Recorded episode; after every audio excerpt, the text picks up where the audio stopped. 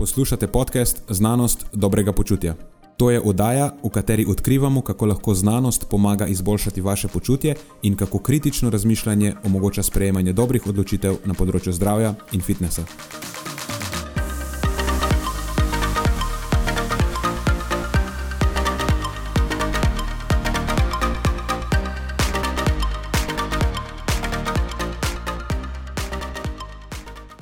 Pozdravljeni, z vami smo Nenad ter moja sovoditelja Marijo in Matjaš. Tokrat je na sporedu zaključna epizoda druge sezone podcasta. Na njo se nismo posebno pripravljali, temveč smo jo posneli improvizirano v bolj sproščenem duhu, kjer smo se pogovarjali predvsem o aktualnih stvareh, tako pri Filgud kot na področju fitnesa v Sloveniji nasplošno.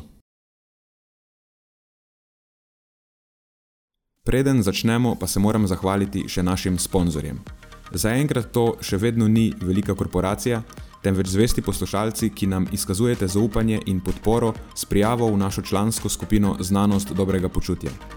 Hvala vsem, ki s tem držite luči prižgane in omogočate podkastu, da raste in postaja še bolj kakovosten. Hvala tudi vsem, ki nas podpirate s pozitivnimi komentarji in visokimi ocenami, ter s tem, da priporočate podcast svojim znancem in prijateljem. Zdaj pa je končno čas za začetek epizode. Uživajte ob poslušanju.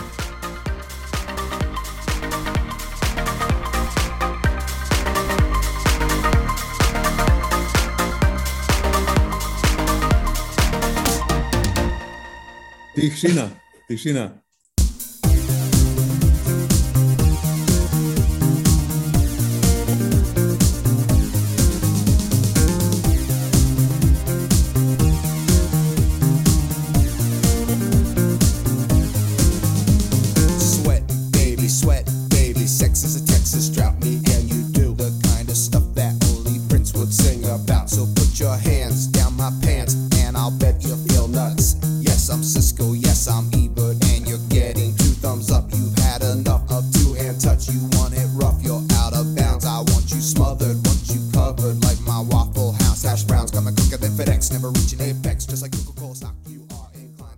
Inclined to. Pa kje sta?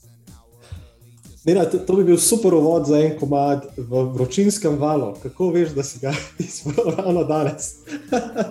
Izbral sem ga zato, ker sem slišal, da bo ta epizoda itak politično nekorektna in sem rekel, da je zdaj odvrniti vse, ki imajo slabe želodce, že na začetku in jim prihraniti muke.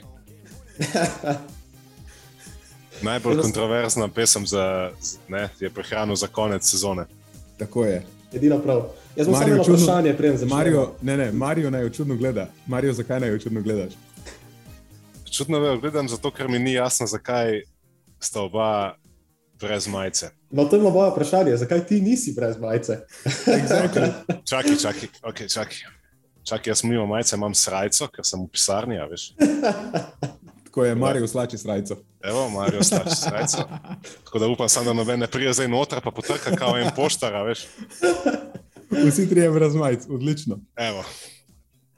Ne, Evo. vroče je, klima, klima tukaj ne dela pri nas, oziroma je sploh nimam, tako da ne more ne delati. Spustimo še malo komada.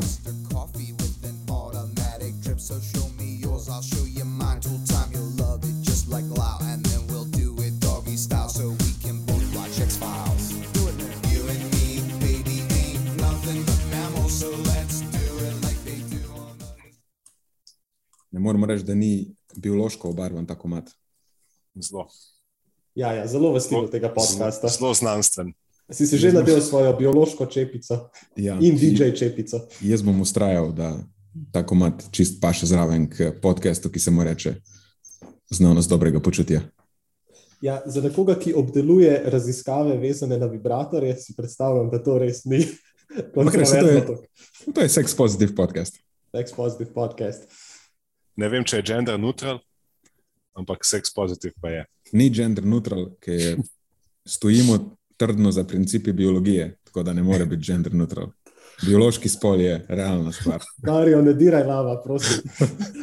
Vem, kam bo ta pogovor zašel. Ja. A hočeš, da definiram biološki spol? Mislim, da si ga že enkrat. Ja, vsaj enkrat, Ja. če ne celo dvakrat. Okay. Mislim, da uvod je bil perfekten, ker ta epizoda bo taka, čist sproščena, noben ni na nič pripravljen Jaz sem glihar prišel z kolesa, to je razlog, zakaj sem brez majice, poleg tega, da je full vroče. M- Mario je nazaj obleko srajco, nažalost. Ja, v tem uh, poslovnem okolju nekako uh, čudno te gledajo, če si vidnak, ampak veš, to je njihov problem.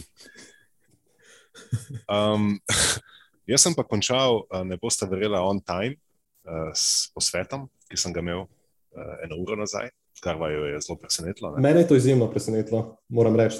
Ja, Ma, Jaz sem mislil, je da bom imel še čas eno žehto oprati in še kaj drugega zrihtati prej. ja, deset nič nič je bilo konc, tako da. To je neverjetno. Vidiš, koliko spoštujem uh, in vajen čas in, in ta podcast. Cenim to. Um, ja, je pa tako res ta zgodba, ki, um, ki mi jo je ta, ta gospod povedal zdaj, ker imela smo v bistvu, ni bil posvet, bil je uh, follow-up, se pravi, opravila sva že coaching, opravila sva že pet sestankov in zdaj je prišel po pol leta, je minilo praktično, uh, in je prišel spremenjen človek in tako res sem imel krepocine po koncu, ko sem ga poslušal o tem, kako Uh, kako bolj samozavesten je zdaj, kljub temu, da mogoče je izgubil 5 kg v tem času, se pravi, še vedno je v bistvu enak človek. Ampak, uh, da ne bom predolg, kar želim samo izpostaviti, je, da njegovo pomankanje samozavesti in prisotnost slabe vesti in stresa je bila vezana v njegovem primeru na pomankanje razumevanja v bistvu prehrane in vzrokov, zakaj mu grejo stvari narobe. a ne. In s tem, ko, je, ko smo skozi coaching odkrila. Um, ali pa ko je spoznal, katere so stvari, na katere se je smiselno osredotočati, ko je ugotovil, da kam je bilo najbolj zanimivo. Ugotovil je, da se tega sploh ni zavedal, ko je bil v tem, ampak zdaj, ko gleda za nazaj, je ugotovil, da ne more verjeti, da je bil tako obremenjen uh, s to slabo vestjo, ko je šel na pico, ko si je prvoščil neko hrano, a ne pač tako, za katero mu je cel svet okoli njega govoril, da je nezdrava in, in da je zdaj tega končno osvobojen. Mhm. Ej, omenil si samozavest, Ja, ki je vezana na to. Doskrat ljudje pridejo pa mislijo, da bodo dobili samozavest s tem, ko bo- bodo dosegli nek eh, telesen videz. Mislijo, da je to tisto, kar jim daje samozavest. Ampak v bistvu ni. In pogosto rečemo, da veš, ne moreš skozi neke prehranske prilagoditve ali pa spremembe v vem, telesni sestavi, telesnem videzu doseči samozavesti. In to dejansko drži. Ni telesen videz tisti, ki ti daje samozavest. Ampak človekova samozavest je vezana na to, koliko on je sposoben obvladovati svoje okolje. Ne, kol- Koliko lahko ne samo projicira, ampak manifestira svoje želje v svoje okolje, to, kar si želi, in koliko lahko konkretno ve, kaj mora narediti, in dejansko to lahko tudi doseže. In prehrana je tukaj ena zelo pomembna stvar, ker prehrana je zelo osnovna stvar v človekovem življenju. Pa če rabiš jaz, da rečem mrež. In če nisi samozavesten, recimo pri taki stvari, kot je prehrana, recimo, da imaš neke cilje vezane na to, ampak jih ne zmoreš doseči, to pa lahko vpliva na tvojo samozavest, ker se počutiš nemočen. In potem sem skozi to, da se je on naučil in je prevzel kontrolo nad tem, nad nekim delom njegovega življenja, ki ga on smatra za pomembnega, na ta račun pa lahko staneš samozavesten. Ampak je pa vsem ločeno od tega, kako on zgleda. Ampak se gre samo za to, da je zdaj on sposoben nadzorovati, pa manifestirati svoje cilje v tej stvari dejansko, ne, svojim vedenjem eh, skozi to. Pač ima kontrolo nad zelo pomembnim dejavnikom njegovega življenja. In to ti pa lahko da samozavest. vse to je tako, recimo, ne, to, kar si zdaj pojasnil in to, kar eh, sem jaz doživel zdaj v tem primeru, je tak in praksa in teorija skupaj združena. Na primeru enega zelo uspešnega akademika, ki se je v tem času, ko je šel ne, skozi praktično desetletja svojega življenja, tega ni zavedel, ne, Mhm. da je v tem primežu. In šele zdaj, pač po pol leta, ko gleda za nazaj. In, in to mi je najbolj zanimivo v tem, da se večina ljudi najbrž sploh ne zaveda, ne, da um, ta, ta družbena klima, ki je nekako umeno- namenoma ustvarjena, pa se ustvarja že zelo dolgo časa, da določena hrana, pač, če jo uživaš, moraš imeti slabo vest. Ne, da pušča posledice na nek način, Mhm. ne, ne, ki se jih sploh nekako privzameš, jih sploh se ne zavedaš. Ja. Aha, še ena stvar je, lahko izpostavimo na tej točki. Ker ti lahko do, dobiš samozavest, ko dosežeš neko, um, rečem, nek, nek videz, ki si ga dal, ali pa želiš, da tvoje telo na nek določen način zgleda. Ampak spet ne, ne gre za to, ker si ti dejansko to dosegel, ampak samo, ker si uspel svoj cilj uresničiti. Lahko se pa zgodi tudi obratno. Ti dejansko dosežeš, dosežeš nek cilj, vezan na prehrano in vadbo, ampak po drugi strani pa se še zmeraj počutiš ujet v svojo prehrano, a pa nek vadben režim, ki je tako zelo um, restriktiven ali pa zelo, zelo, zelo neurotičen, in še zmeraj imaš občutek, da nimaš nad tem nadzora, in pol kljub temu, da si cilj dosegel, ti to ne daje samozavesti. Ne? Dejansko, kar potrebuješ, je nek, uh, nek občutek kontrole nad tem, da, lahko, da, da ta zadeva ne vpliva na vse ostale stvari v, tvoj, v tvojem življenju, da ti imaš nad njo nadzor, ne ona nad tabo nadzor. Ja, za razmisliti, ne? to je zanimivo. Okay. Okay, nepričakovan uvod. Da, ne, ja, da preveč ne zafilozofiramo. A se, a se sliši, uh, kak kamion v zadju? Ne. Okay, ne, pol... jaz samo ene ptičke slišim. Ok, ure, da pol zoom to dobro filtrira, ker tukaj zdaj glih je neki kamion se postavil pred moje okno in nekaj počnejo. Nič se ne sliši. Ok, cool. Razmišljali smo, da bi bil naslov te epizode lekcije dveh let podcastanja. Dejansko, Matjaš, če upoštevamo samo, samo tiste tedne, ki so imeli podcast epizodo in izpustiva vse une, ki jih niso imeli, tiste pauze vmes, a je točno dve leti podcastanja. Ja, točno dve leti podcastanja. Dvakrat 52 tednov. Tako. In želeli smo se malo spominjati nazaj ali pa se spomniti na to, kaj smo se naučili skozi te dve leti podcastanja. Sam jaz bom čisti iskren, jaz nimam pojma, kaj sem se naučil, samo konkretno s podcastanjem v teh dveh letih. Mogoče mi gre zdaj podcastanje boljše, kot mi je šlo prej, govorjenje v mikrofon, whatever, tega ne znam oceniti. Ampak se mi zdi bolj smiselno, da mogoče malo tako povzamemo, uh, lahko povzamemo te dve leti, ki sta se nam zgodili zdaj pri Filgudu ali pa nasplošno Ja, točno to. Jaz sem tudi razmišljal v tej smeri. Ni v bistvu samo podcast, ne bo tukaj v igri, ampak je to en tak konglomerat vsega, kar se je dogajalo v tem času, uh, naših pogovorov, um, nekih novih stvari, ki smo jih vzeli ven v tem času. Tako da se strinjam, mislim, da bo to boljši povzetek tega dogajanja. Ja, tako da lahko razširimo potem to na dogajanje na področju, na tem, kjer se mi udejstvujemo, na področju prehrane in vadbe na splošno, eh, pa kako je Filgut evolviral pa kako je mogoče celo podcast evolviral skozi, skozi to obdobje. Prešli smo nekaj, ali pa prebrodili smo nekaj težkih obdobij v tem, težkih obdobij v tem obdobju. Vmes je bila korona kriza dve celo, ali kako bi jih, ne vem, uh -huh. da so bile tri, nimam pojma.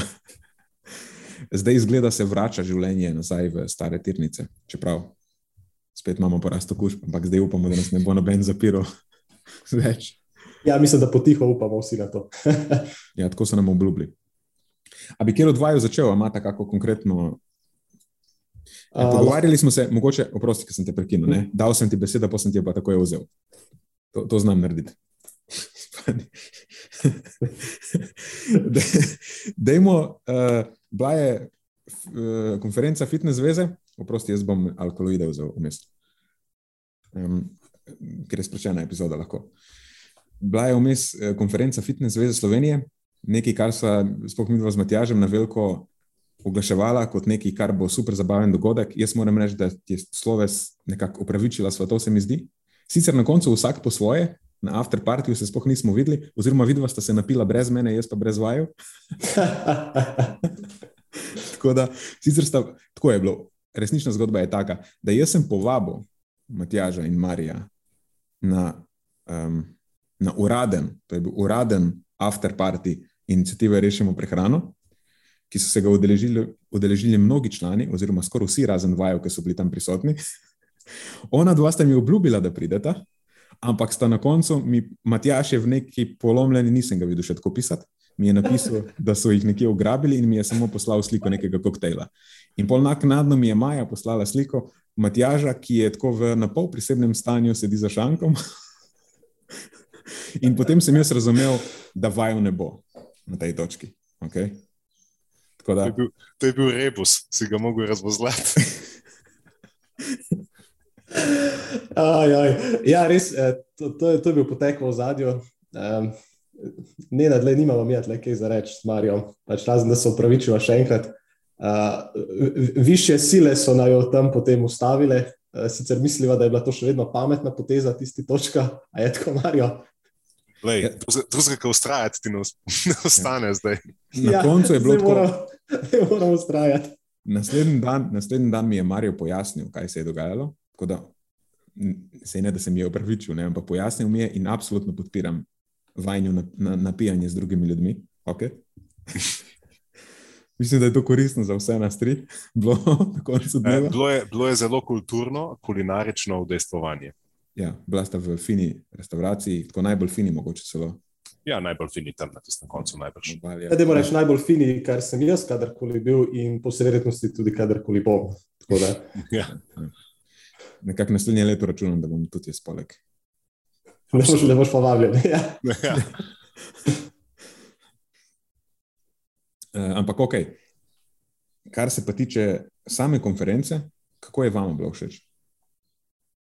A, Mogoče je tukaj na mestu, da Matjaž odpre s tem vprašanjem, ker vseeno je on tudi vodja modula za prehrano. Ne? Zdaj, tako da je bil on organizator tega celega dogajanja in tudi najbolj upet. Tako je. Matjaš, prosim, pojasni nam, kaj se je dogajalo v dvorani, ki je bila namenjena prehrani. Ja, zdaj smo malo pristranski pogled, ki si ga v bistvu pravkar razložil. Jaz imam pogled izključno na to, kaj se je dogajalo v dvorani za prehrano, so pa tukaj še druge dvorane v igri, fitness, skupinske vadbe, pilates in tako naprej.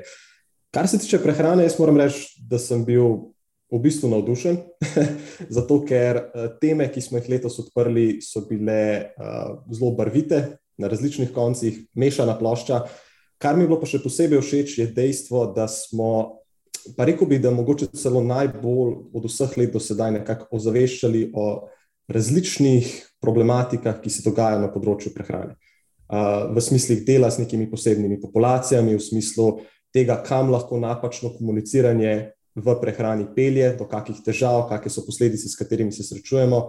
In eh, kako zelo pomembno je, da se zavedamo kot delavci v fitness industriji, kaj, kaj vse naše besede in to, kar mi objavljamo na socialnih omrežjih, kakšno sliko prikaže in kakšno sporočilo kaže vam. Tako da mi je všeč, da smo se tega lotili na ta način. Uh, in jaz sem iskreno zelo zadovoljen. Sočasno sem se pa naučil še par novih stvari, vezano na mediteransko in tež in mind prehrano pri, pri nenadovem predavanju, kakor tudi nekih novih veščin dela v praksi pri primarjevem predavanju. Ja, jaz se pa vsem strinjam s tem. Všeč mi je bilo to, to da je dejansko pa praktično vsi.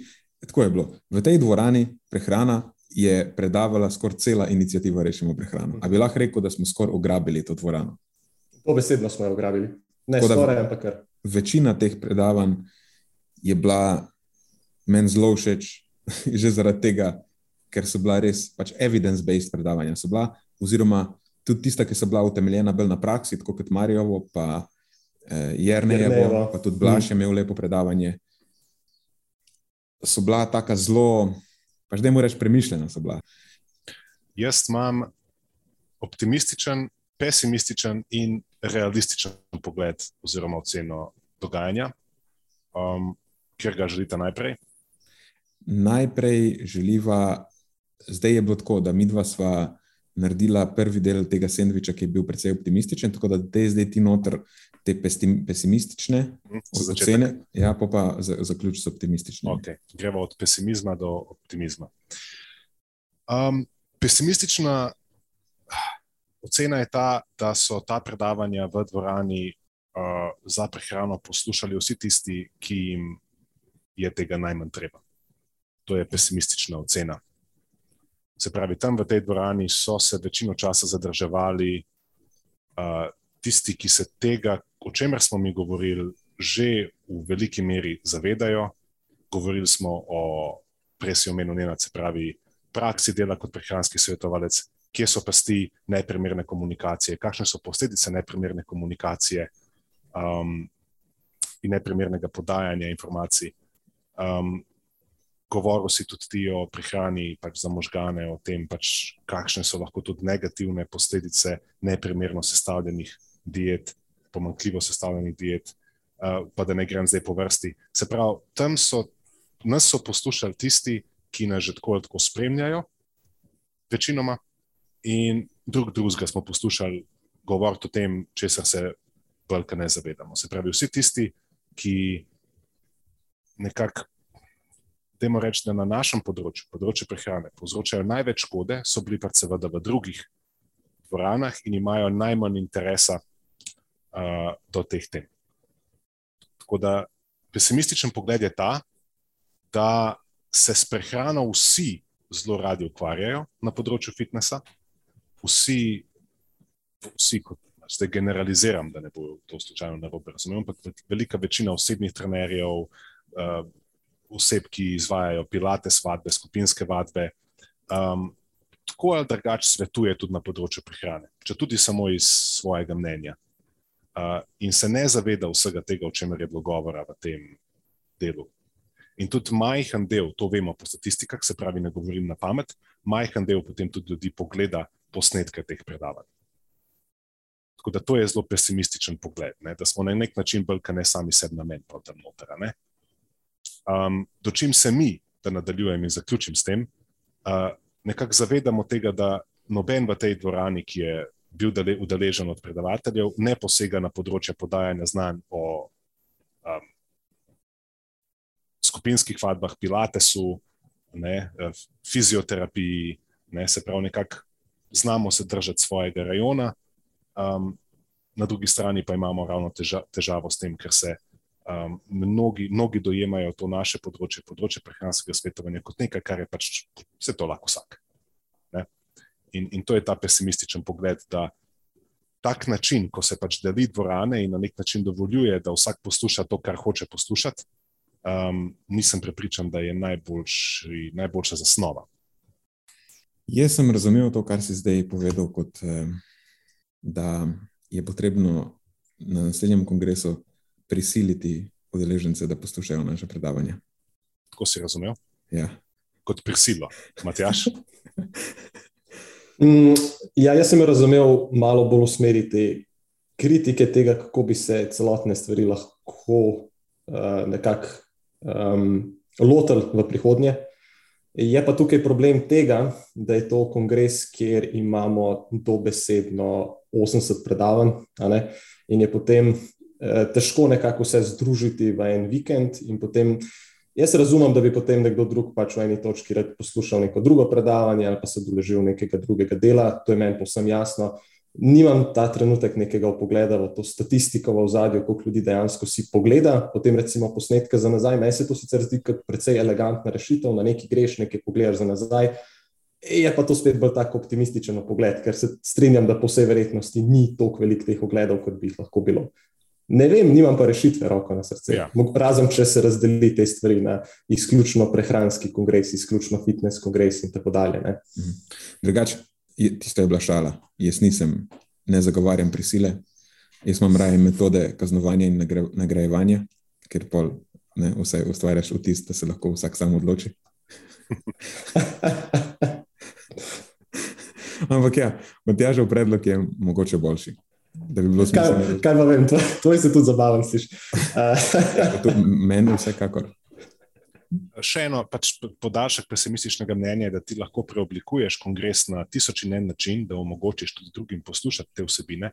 Ampak če on prihaja iz nekega predobstoječega prepričanja, da um, ne želi te vsebine uh, sprejemati, ker v bistvu negativno vplivajo na njegov poslovni model, kjer je pač podajanje površnih informacij o prehrani nekaj, kar pač ne, uh, zelo dobro deluje potem tukaj je to, a veš, zelo um, težko karkoli za res spremeniti. Se pravi, ta odnos ali pa razumevanje vplivov komunikacije o prehrani je nekaj, kar um, je treba dvigati. In s tem lahko prehajam na ta bolj optimističen pogled. Ne. Ko sem prišel na, na fitness zvezo, ne vem, 5-6 let nazaj, kot predavatelj, takrat ni bilo še nobenega od vas tu, jaz sem bil iz te množice prvi in moja vizija je bila, da preoblikujemo to krajino z, uh, uh, ne, na področju prehrane, da dvignemo nivo komunikacije, da pripeljemo ljudi, ki so bolj evidence-based, ki so sposobni dati svoje mnenje na stran, ki so sposobni interpretirati um, strokovno literaturo na malo bolj objektiven način, prikazati ne, širšo sliko. Um, to je bila neka moja vizija. Uh, poleg tega tudi takšni ljudi, ki so pripravljeni in sposobni prepoznavati svoje napake in ne, so malo bolj iskreni v tej komunikaciji, manj pristranski. In zdaj, pet let kasneje, ko gledam tukaj predavati Matjaža, uh, Nenada, Jrneja uh, in celotno ekipo inicijative, kot si izpostavil, je to nek tak občutek osebnega zadovoljstva in ponosa na, na, na, na doseženo, istočasno pa me navdaja z optimizmom, da um, vseeno pač nas čakajo malo lepši časi. ne? Mhm, ja. Drugače, beseda, ki sem jo prej iskal, ko sem rekel, da so bila tudi predavanja, ki so temeljila bolj na praksi, eh, premišljena, sem hotel reči, da- je bilo v njih zaznati veliko mero o nekega, neke odgovornosti, um, zadržanosti. Pač kljub temu, da gre za prakso, ne, ni ne neki znanstveni dokazi, je bila ta praksa še zmeraj ovrednotena na, na način, kot bi recimo ne, vrednotil neke realne podatke. Bilo, bila je eh, podana z veliko mero eh, zavedanja, da obstajajo neki, neke pristranskosti v vseh nas in da lahko kot eh, practitioner, kako se temu rečeš, eh, practitioner, eh, nek, recimo svetovalec, ja, nekdo, ki v praksi dela z ljudmi, eh, še zmeraj sam prideš do napačnih zaključkov in moraš biti v zvezi s tem malo zadržan in tako eh, ponižen. Eh, Ne, da ne moreš nastopati kot jaz, pa vse vem in tako je, in nič neč. Ampak se, je veliko prostora, zelo je bilo poudarjeno, kako obstaja tudi realnost človeka, s katerim delaš, ne, in da, da je vedno potrebno tudi to upoštevati. Kako to, kar mogoče ti veš, se na njega direktno ne aplicira in moraš biti zelo pazljiv. Ali pa mogoče na nek način, ko ti podajaš informacije, pri njemu vzbudijo neko drugačno reakcijo in ne veš točno, kakšna je, in moraš biti na tej točki zelo, zelo pazljiv, kako delaš. Mhm. Kaj lahko poveš in kaj ne, oziroma kaj je primerno povedati in kaj ne. In, tako da mogoče zdaj ima to malo več smisla, čeprav nisem zihar. No, vse hvala za dodatek. Sem nekako razumel, no, kaj si želel povedati s tem premišljenim, ampak tudi slušateljem je zdaj verjetno bolj jasno. Jaz lahko zaključim samo še s tem realističnim delom komentarja. ne. Um, s tem pa se navezujem na očitno dejstvo, da v tej industriji obstaja naraščajoče število posameznikov, ki um, iz razno raznih interesov, um, naj si bo to pomankanje integritete ali pa ustrajanje v nekem poslovnem ali ideološkem modelu funkcioniranja, želijo braniti pravico do zavajanja in laganja na področju prehrane, ampak istočasno se otepati odgovornosti za posledice takšnega početja. Mhm.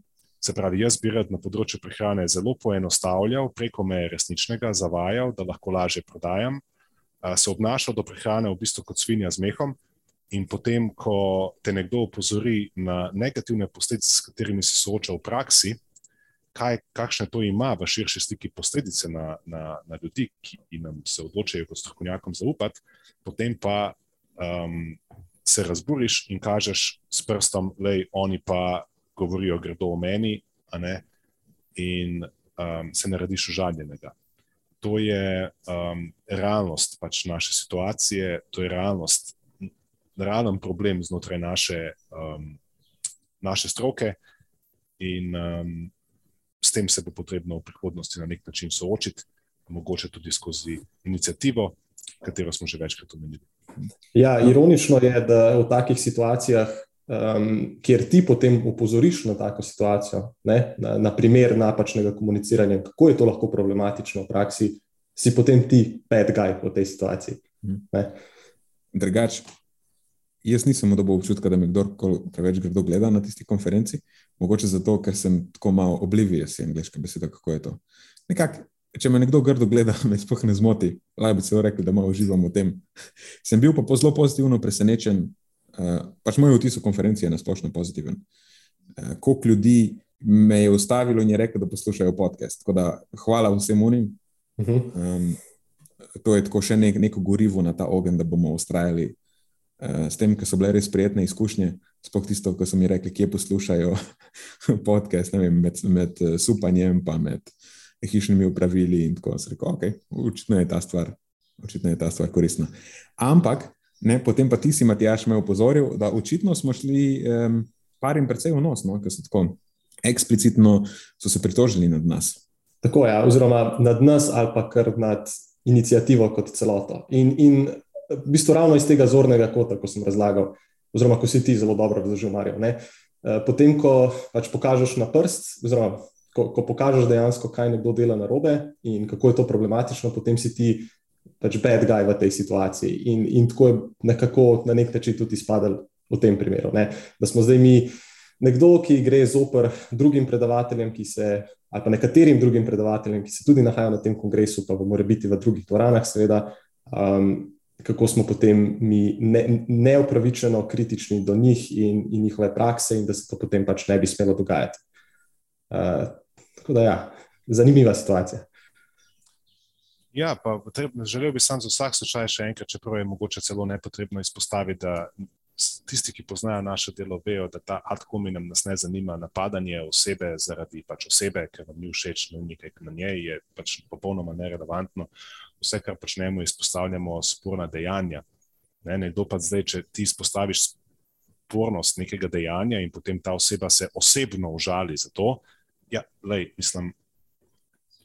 Ampak na neki, sto, na neki točki pa ne gre za ad hominem, ampak na neki točki postane ne samo priročno, ampak nujno, če nekdo ponavlja ta vzorec, že potem, ko je bil opozorjen na dosti bolj mil način, da nekaj ne dela prav ali pa da škodi ljudem, in on v, v ta vzorec še naprej ponavlja, potem pač na neki točki se ne moreš več ukvarjati samo z vsebino, ampak je lažje, pa tudi bolj koristno pokazati, da je un model to dela, ne ga poslušati ker počne to že dosledno in namenoma, ker se mu splača. In to je pač nekaj, kar je nekaterim izjemno ne, neprijetno in razumem, zato ker njihov celoten poslovni model na tem sloni. In zdaj, če to spremenijo, kaj pa jim ostane? Razumem, da je to za njih neprijetno, razumem, da jim je to vnos, ampak v prvi vrsti moram ustrajati v tem, da mi v tej industriji sa, nismo najbolj pomembni. Alo, ljudje, pa nismo mi v tej industriji zaradi sebe, nismo mi zdaj tukaj tisti, ki moramo sami sebe braniti. Mi smo tisti, katerih naloga je braniti naše uporabnike. Halo, to je nekaj, kar je zelo, tako bi moglo biti očitno, pa tako težko se tega spomnimo. Ne? Da naše delo je, da drug drugega opozarjamo, kako delovati v najboljšem interesu tistih, ki se odločijo nam zaupati. Ja, to bi lahko bil del neke fitness, eh, hipokratove za prisege. ja, na nek način. Hipokratova beseda, presega trenutno uh, ustraja v tem, da uh, branim svoj poslovni model, in če se ti vtikaš v moj poslovni model, a veš, je, pač je to hudo narobe in, in raj ne počni tega. To je ni Hipokratova prisega. Ja, je, v tem trenutku je, obstaja. To je Mihova prisega. Ja, lahko temu ja, rečemo. Ja, ja. to, to, to je mogoče ta bolj žalosten del realizacije o takih dogodkih, da znotraj industrije je prehrana na nek način bastard child. Ne? Se pravi, nekaj, ne, nekaj, kar v bistvu je izjemno pomembno, nažalost, zelo profitabilno, ne, ampak tudi skrajno necenjeno ne, kot področje dela. In zdaj se pač tukaj nekaj posameznikov, ki se trudi to področje braniti, um, se na nek način poskuša tudi um, tišati, ne pač češ, puste nam pravico, da delamo svoje dalje, če tudi to ne, je po vaših kriterijih sporno. Mhm. Hočem sam s tem zaključiti, da če bi recimo slučajno mi, recimo na področju prehrane, a si, a si predstavljaš ta brutalno absurden svet, v katerem bi mi kot prehranski svetovalci, dietetiki, nutricionisti, magistri inženirji prehrane začeli na svojih profilih promovirati 21-dnevne Pilates challenge programe uh, ali, pa, ali pa neke um, fizioterapevtske storitve, uh, s katerimi bi obljubljali um, od, ne, rešitev vseh. Kavo, vseh bolečin v hrbtenici. V hrbtenici, uh, tako ja. A si predstavljaš, da bi mi kot prehranska stroka počela takšna dejanja stroki Pilatesa, kineziologije, fizioterapije. A si ti predstavljaš, kaj bi se zgodilo? Ampak niso sposobni tega videti, ne? niso sposobni videti tega, da delajo nam to, česar si sami ne bi, ne bi nikoli nikol dovolili tolerirati. Ne? In pustiti nam, ne? v, v, v končni, končni cilj, da delajo to v bistvu tudi ljudem. Um, ker prehrana, kot vemo, je izjemno pomemben del kot je Nena lepo povedal prej, ne samo nekih estetskih ciljev ali pa zdravstvenih ciljev, ampak pač gradi posameznikovo samozavest, odnos do nje. Um, in, in tukaj imamo danes, kot posledica nekih motenj uh, pri odnosu do prehrane, en velik, velik izziv, kako se s tem soočiti v prihodnosti. Mhm. nekako skozi to, ko smo si od- odartikulirali, kako pomembno je to, je potem tudi nastala inicijativa Rešimo prehrano. In mislim, da je to ena stvar, ki je zelo zaznamovala to obdobje, odkar podcast obstaja. Eh, Skozi te dve leti, kokrat Matjaš, so mi dva odgovarjala na neka vprašanja, eh, ki so se nam zdela tako, a se lahko že, prosim, nehamo s tem ukvarjati. Pa, Absolutno absurdna vprašanja. ja, absolutno. ne veš niti, kje začeti v nekaterih primerih. Ja, in pač na neki točki začneš tako malo zgubljati skoraj potrpljenje.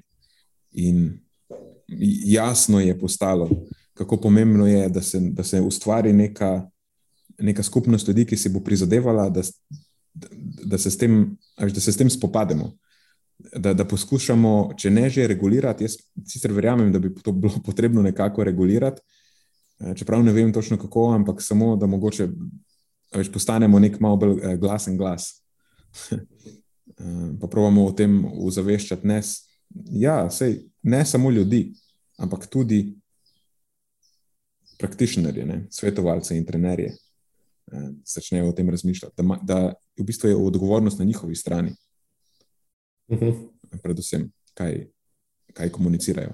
Drugač pa, ker sem se zdaj že dotaknil te regulacije, v, kaj je to bilo, zdaj, zadnjih par dni mi je par ljudi poslalo, sploh to, ki ki objavljamo na Filgodu, pa te storije, pa take stvari, pa na prehrano zlomu na našem Instagram profilu eh, od inicijative, kjer probamo na, na nek satiričen način povzeti tragikomično stanje na področju prehrane v Sloveniji. Eh, mi je par ljudi poslalo eh, novico o tem, kako so na kitajskem prepovedali influencerjem, pa tem pač raznim javnim osebnostim, govoriti o prehrani. In zdaj, na prvo žogo se ljudem zdi tak pristop zelo simpatičen. Ne? Pač dajmo zdaj samo omejiti vsem, ki govorijo neumnosti. Uh, ampak v bistvu, ko si ti soočen s tako neko situacijo, ki je zelo akutna, se ti to sliši kot dobra ideja. Ampak pol ne razmišljaš down the line, kaj se bo zgodilo. Ne? Zdaj, konkretno samo v tem primeru je to bi celo lahko bilo koristno. Ja, dajmo prepovedati vsem, ki tako na ta način škodijo ljudem, da prenehajo, dejansko odzamemo jim svobodo govora na nek način. Okay? Sam noben se pa potem ne vpraša, okay, ampak kje se pa to konča? Ker če govorimo o Kitajski konkretno, vemo, da v bistvu, mislim, vemo, lahko predvidevamo, da je to samo še en v seriji od zakonov, ki so usmerjeni to, da se omeji svobodo govora, zato da se pač zaščiti režim. Pač gre za nek komunističen zakon. Ne? Ker ponavadi, se, in ponavadi je problem, da komunizem se ne konča pri tvojih preferencah. A veš, down the line, nekje bo, boš tudi ti nekje omejen. In sploh mi, ki smo tako zelo vokalni, pa imamo radi svoje mnenja, je, če dopustimo, da se na tako, eh, na tako trd način omejuje svoboda govora, pa da se samo nekaj pripoveduje, bomo slejko prej tudi mi tisti, ki bomo prišli na tapeto in čez dve leti se boš, a veš, ti skupaj z Mihatom znajdel v Gulagu, ki boste tolkla kamne skupaj, sam, da bo on tam iz tega razloga, ker je govoril neumnosti v prehrani, jaz pa ti bova pa tam zato, ker smo opozarjala na neko drugo, mogoče čist legitimno, ne, nek legitimen problem. Torej, kar hočem reči, je samo to, da um, omejevanje tega, kar lahko nekdo reče, po mojem, ni pravi način. Veš, mo morajo obstajati neki drugi vzvodi. Ker tudi moramo se vprašati, okay, kdo pa potem lahko govori o prehrani. Ne? Kdo bo določal, kdo lahko pove nekaj o prehrani. Ker vemo, da dejansko ni ene skupine ljudi, v kateri bi vsi govorili um, točno ali pa v skladu z znanstvenimi dokazi. Recimo v Veliki Britaniji imajo tak problem, tam na, te, na nacionalno TV vedno vabijo tiste njihove dietetike. Ne vem, če, so, če se jim tam reče Registered Dietitians, ampak je neko združenje dietetikov, ki v bistvu ima nek primat na tem, da oni so tam vodilna organizacija za prehrano. In po se zgodi, da ti ljudje pridejo na TV in tam kvasijo neumnosti. Samo malo bolj mile, kot jih kvasijo naši influencerji. Až niso nič kaj dosti boljši, realno. Še večja nevarnost pa je, če se to omejevanje zgodi v takem okolju, kot je na kitajskem, ki, je polit, ki so te zadeve zelo politično motivirane. Ker pa se zlahka zgodi, da bo dobila glavno besedo neka organizacija, ki je v bistvu v osnovi politično motivirana, sploh ni, ne, ne temelji na na neki strokovnosti, in pa je še večja verjetnost, da se ne bodo govorile prave stvari, ampak se bo govorilo tisto, kar je nekomu zdaj tam trenutno uh, v interesu.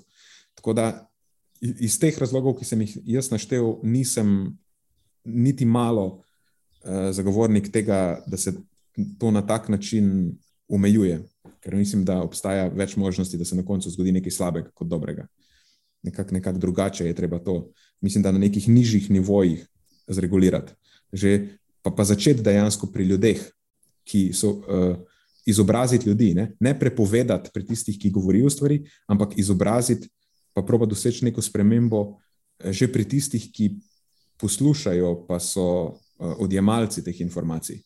Pa potem na drugi stopnji mogoče nekako zregulirati to tisto, kaj se sme reči, mogoče na malo bolj mil način. Ne vem, ampak to je pač samo moja vizija tega. Hm. Ja, tako spolsko pobočje je to definitivno lahko. Mhm. Tako da vse to, kar si rekel, ne, absolutno podpiram. Zelo mi je všeč, kam smo pripeljali to temo.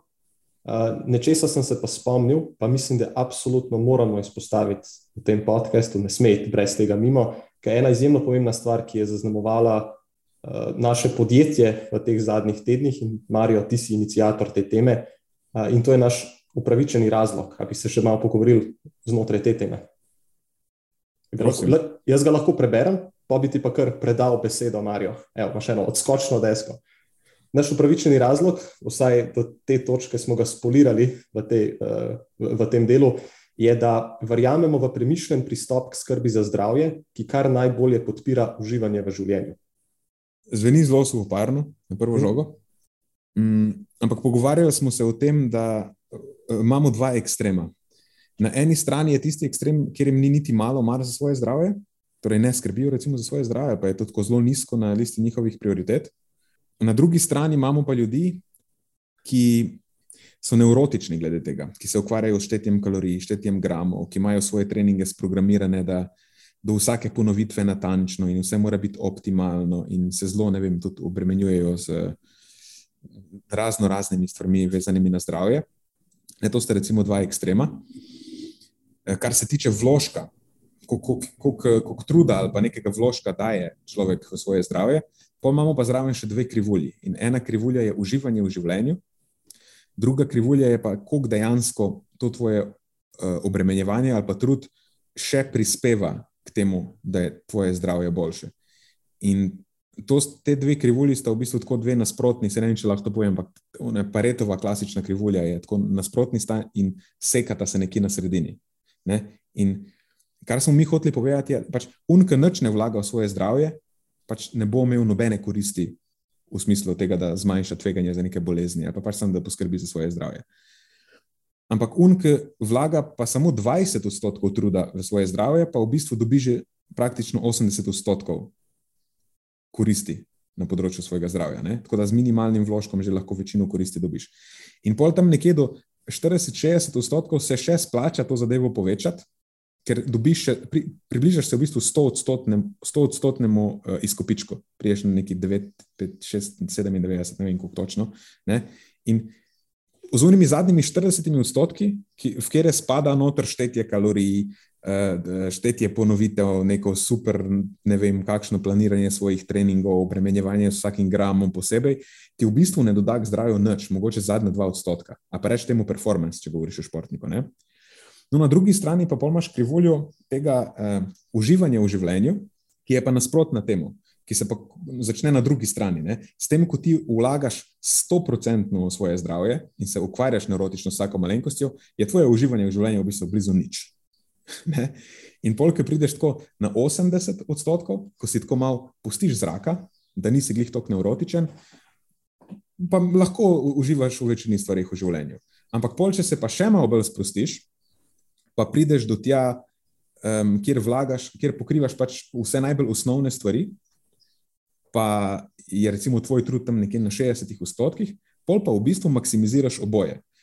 Omogočiš si, da uživaš v življenju, skoraj 100 odstotno, in tudi koristi, ki jih imaš od tega truda, v smislu tega, da skrbiš za svoje zdravje, znižaš tveganje za neke kronične bolezni, itd., so tudi blizu 100 odstotno. In, in to je nekako prisečišče tega našega pristopa želimo, da bi ljudje, ko razmišljajo o svojem zdravju, razmišljali tudi o svojem uživanju v življenju.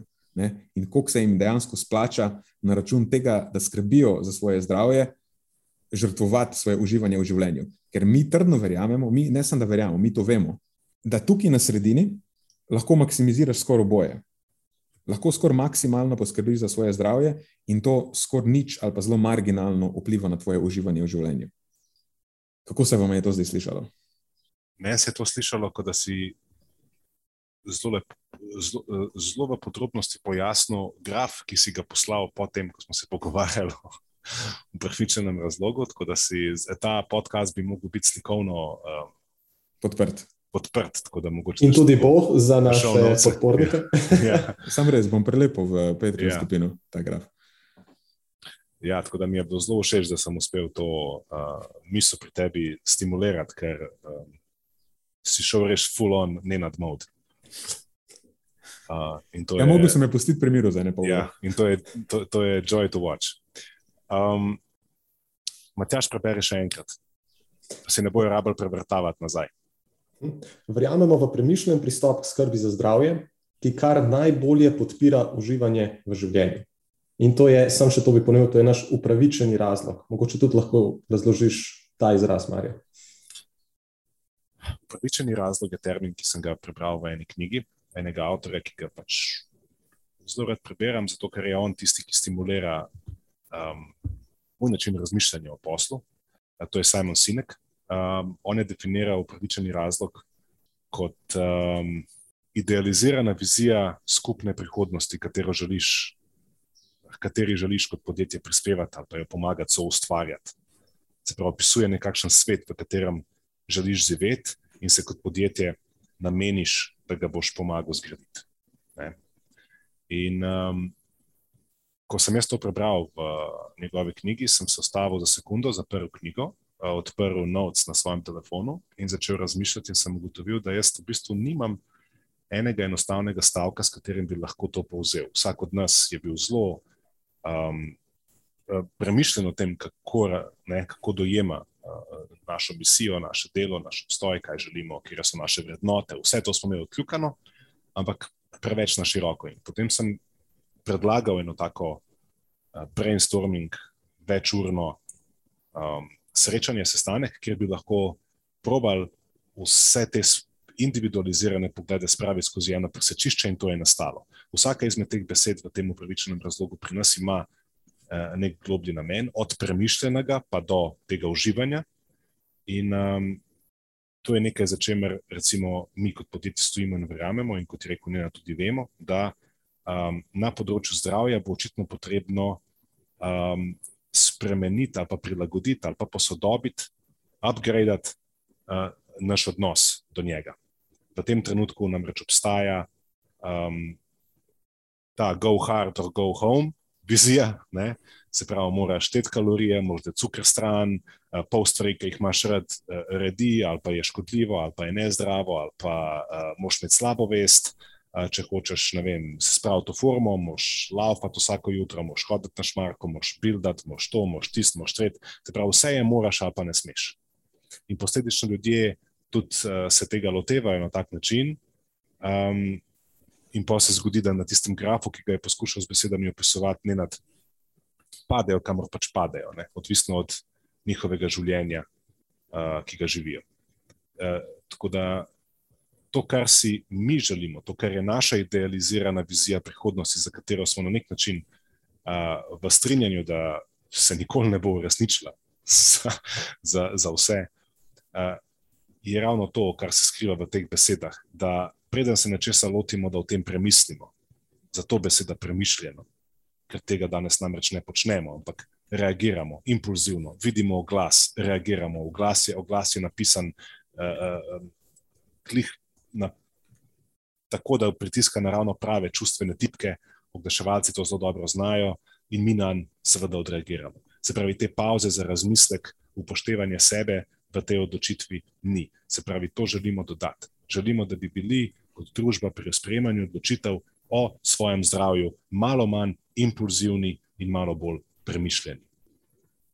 In ko omenjamo ta užitek, je tudi to nekaj, na kar želimo um, poudarjati, da ne sprejmimo vsega, kar je tukaj morda. A veš, tistih dodatnih 5%, da imamo še to, pa da imamo še to, pa da imamo še to, če na ta račun posegamo na, druge, na druga področja svojega zdravja. Naj si bo to uh, psihološkega zdravja, um, socialnega, se pravi, družabnega življenja, um, ali pa v končni fazi tudi uh, finančnega oziroma ekonomskega um, stanja. Tako da tukaj nekako iščemo to presečišče, kjer lahko dobimo kot ljudje še vedno pozitivne učinke na zdravje, ampak upoštevamo to, kar nas v življenju veseli, to, v čemer uživamo in kako lahko to pomagamo nekako združiti, k temu stremimo in delimo to neko vizijo, da je to v bistvu zares naša odgovornost kot strokovnjaki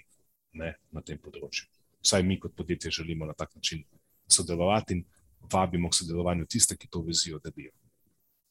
In ena stvar je tukaj še pomembna, da na nek način mi uspodbujamo pristop s tem upravičenim razlogom, uspodbujamo pristop, kjer celo odvračamo od tega da bi ljudje delali vse popolno, popolno rekovajih na področju prehrane ali pa, ali, ali pa vadbe.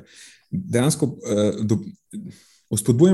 ljudi, da si pustijo narediti napake, napake v narekovajih, ker v bistvu zdaj, kot smo predstavili, to v bistvu sploh niso napake.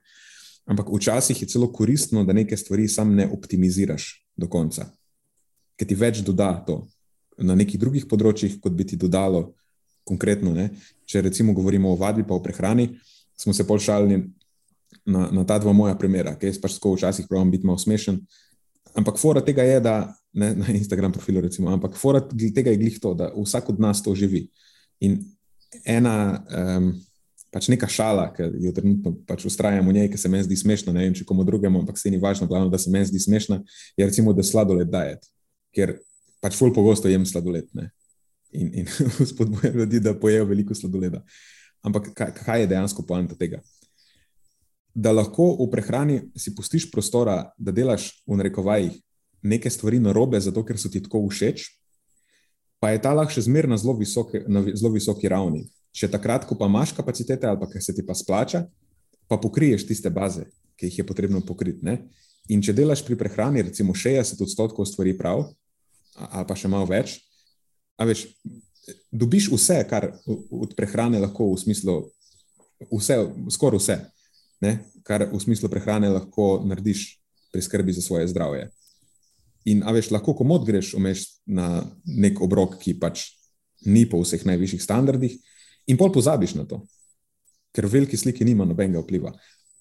Na to, kako ti skrbiš za svoje zdravje. Ima pa veliko vpliv na to, kako v ti tisti trenutni situaciji uživaš. Recimo, ne? jaz grem, klasično, ko grem recimo kam s kolesom, tako na, na malo dlje, pač tam si pol nekaj privoščiš, kar ni glih optimalno. A veš, tako požreš štiri kepce nekega masnega sladoleda, da je po še pol ure potem slabo. Mislim, okay, tukaj lahko še kak kompromis vmes spremeš. Ampak takrat v uni situaciji ti je pač to kul cool. in to na veliki sliki na tvojo prehrano ne bo vplivalo. In pol pač hashtag, da sladoled daje varianta. In če si imel fajn takrat in še zmer si poskrbel skoraj maksimalno za svoje zdravje. In enako na treningu. Je pač nek running joke, kjer jaz pridem na trening, full lepo oblečen, kao. ki se ima tja zadnjič šalo, da to je pa tako, da narediš trening, pol pa kasneje greš na sestanek. Takoj, Ampak je pač meni je full joke, prideti tja tako oblečen, ne v športni opremi, da te ljudje čudno gledajo, pa da tako malo izstopaš, ker pač mi to. Meni trening z otežmi ni nekaj, kar je ful zabavno. Še manj zabavno bi mi bilo, če bi vse optimiziral, pa bi štel vsako ponovitev, pa bi porabil še pol ure za ogrevanje. Ne, če pa sprejem tja, sezujem copate, to, to ni nekaj, kar je uh, sicer priporočano, ampak je nek kompromis, ki sem ga jaz pripravljen sprejeti. Da uživam na treningu, ne, recimo, ne ogrejem se, nimam nekega splaniranega treninga, naredim toliko ponovitev unih vaj, ki mislim, da so mi najbolj koristne in pač dosledno hodim v žim, zabavam se vmes. Zdaj, če bi imel trenerja, bi me trener spodbujal, da vne stvari še naredim zraven, ki so nujne, Uh, tako da tudi tukaj obstaja še prostora, da malo to stvar izpopolnim, najbrž. Ampak jaz sem to naredil premišljen, na premišljen način. Tako da je meni zabavno polo hoditi na trening, kljub temu pa dobim večino koristi od tega treninga. Um, tako da je to je neka, pač, neka ta srednja pot, ki optimizira oboje, se mi zdi. In vsak bo našel svojo. Ja, to sta super razrešila in v besedah, in grafično. Mogoče je deloval v prvi točki ta um, preskok v to temo iz prejšnje teme, rahlo na ključen, ampak meni se zdi zelo smiselen, ker med drugim tudi zelo dobro prikaže razliko v upravičenih razlogih Filguda, inicijative Rešimo prehrano. In to je nekaj, kar smo tudi želeli artikulirati v eter, če se ne motim. Ne? Uh, mogoče bi dodal samo še to. Uh, tudi če imaš više cilje, a ne recimo tipa športniki ali kakorkoli že, velja popolnoma enako pravilo. Ne je že res, da se moč po tej uh, paretovi krivulji premakati malo bolj v smeri sprejemanja žrtev oziroma kompromisov, ampak vseeno, ne, v končni fazi tudi tukaj pretirano neurotično ukvarjanje izključno s prehrano ali pa kakimi drugimi takimi dejavniki pač ne bo smiselno in ne bo pripeljalo do dolgoročnih ciljev. Ja. Mislim, da je na zadnje tudi športnik. Vse pri športnikih je tako. Ja, lovimo tiste zadnje odstotke, hočeš res vse optimizirati. Sam na koncu dneva si, a še vedno si človek in če je tvoje uživanje v življenju nič, zna biti, da bo pol trpel trening na ta račun, da, veš, da boš imel tudi motivacije se manj ukvarjati s prehrano in tako naprej. In nima smisla vsega optimizirati, pa boš lahko ustrajal pri optimizirani prehrani dva tedna, pa, pa bo vse skupaj mm -hmm. razpadlo. In tako da to je ena stvar, ki jo je potrebno upoštevati. In ja, to, da potem če daješ vse svoje resurse, pa vse probaš optimizirati na enem področju, bo najbrž trpelo drugo področje. Veš, če se preveč ukvarjaš s prehrano, bo mogoče trpelo trening, če se preveč ukvarjaš s treningom, bo mogoče trpela vem, eh, počitek, regeneracija, eh, mogoče bo celo mhm. trpela prehrana. Veš, treba je najti najt neko presičišče pri športnikih, mogoče še večjih teh krivulj. Ja, res je. In pogosto opažamo v praksi, predvsem pri mladih športnikih, trpi v končni fazi predvsem dolgoživost karijere. Veš, ne moreš biti mlad najstnik, pa vse vložiti v to košaro, pa nič ne uživati v teh letih, ki jih pogosto smatramo kot podnarekovaj najboljša leta, pa potem pričakovati, da ne bo to posameznika sesulo v eni točki. Ne gre tako. Smo to temo, kar se da izčrpati, se mi zdi. Sem se naposlušal uh, in zvedel še nekaj novega. Sta še dodala po tistem zadnjem sestanku. Očitno smo še pod vtisom sestanka. ja. A smo imeli še kaj v planu za danes? Ne vem, po mojem, smo pripeljali zadevo skoraj k koncu. A bi, a bi kaj eh, dodal še kdo od vaju? Mislim, da v tisti točki, ko smo vsi tiho, tri sekunde in več, to pomeni, da smo izčrpali vse teme. ja, jaz bom samo dodal, da sem optimističen glede smeri, v katero se premikamo. Eh, mi kot podjetje, pa tudi kot eh, inicijativa. Eh, se mi zdi, da v naslednjem letu nas čaka veliko zanimivih stvari. Uh mhm. -huh. In da jim mogoče pa zaključiti na tej taki optimistični noti. Ja, pridružujem se temu in se veselim, da bomo lahko delili vse te napredke tukaj v tretji sezoni podcasta. Ja, tako da zdaj hvala, res hvala vsem, ki ste nas poslušali. Še bolj hvala vsem onim, ki nas uspodbujate. Eh, še posebno, posebno hvala vsem našim Patreonom. Eh, mi si bomo zdaj vzeli malo pauze, rečemo temu poletni dopust. Ja, potem pa se vidimo v tretji sezoni, potem pa se slišimo v tretji sezoni. Ja. Razen, če bomo furali ta stil brez majic, pa bo kdo hotel tudi video. To, to je pa samo za Patreone. to bo pa samo za Patreone.